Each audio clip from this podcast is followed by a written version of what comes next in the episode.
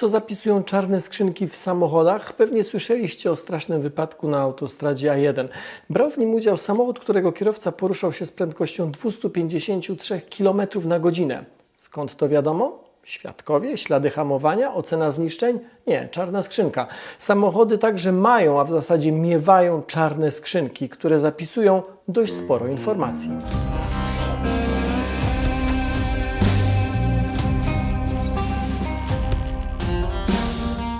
Pojęcie czarnej skrzynki znane jest z samolotów. Po wypadku analizuje się ich zapis, ale w samochodach one też są.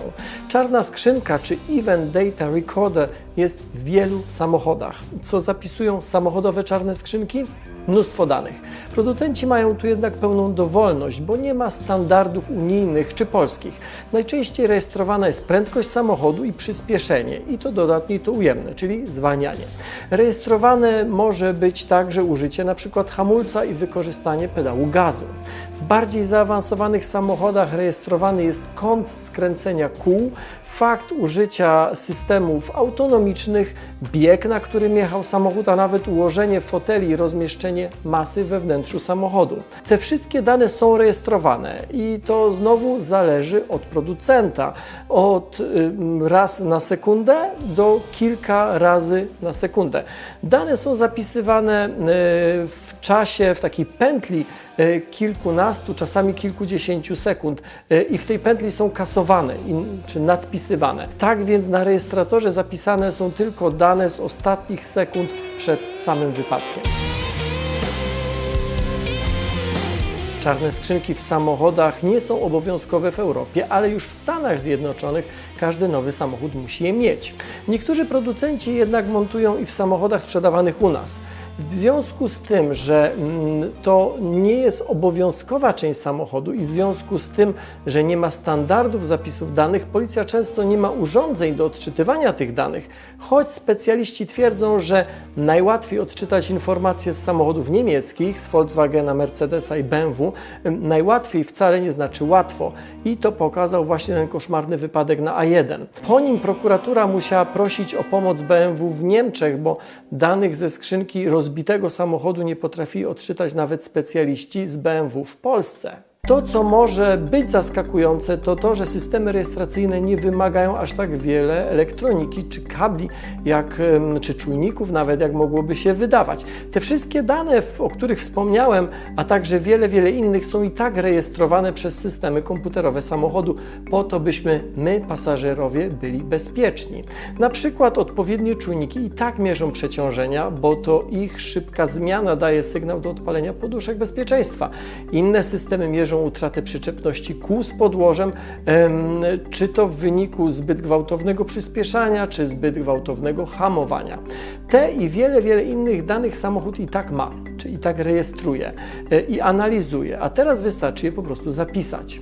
W samochodach, w których takie rejestratory są, one najczęściej są umieszczane w takich miejscach, które najrzadziej są niszczone podczas kolizji czy podczas większej kraksy, a więc zwykle w środku masy samochodu, gdzieś pomiędzy fotelem kierowcy i fotelem przedniego pasażera. A teraz pytanie do Was. Uważacie, że takie urządzenia powinny być montowane w samochodach?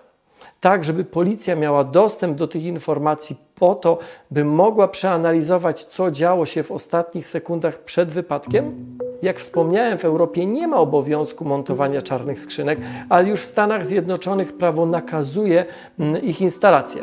W Brukseli dyskutowano kiedyś na poziomie Unii Europejskiej zmianę tego prawa po to, by wszyscy producenci, którzy sprzedają u nas samochody, takie skrzynki musieli montować.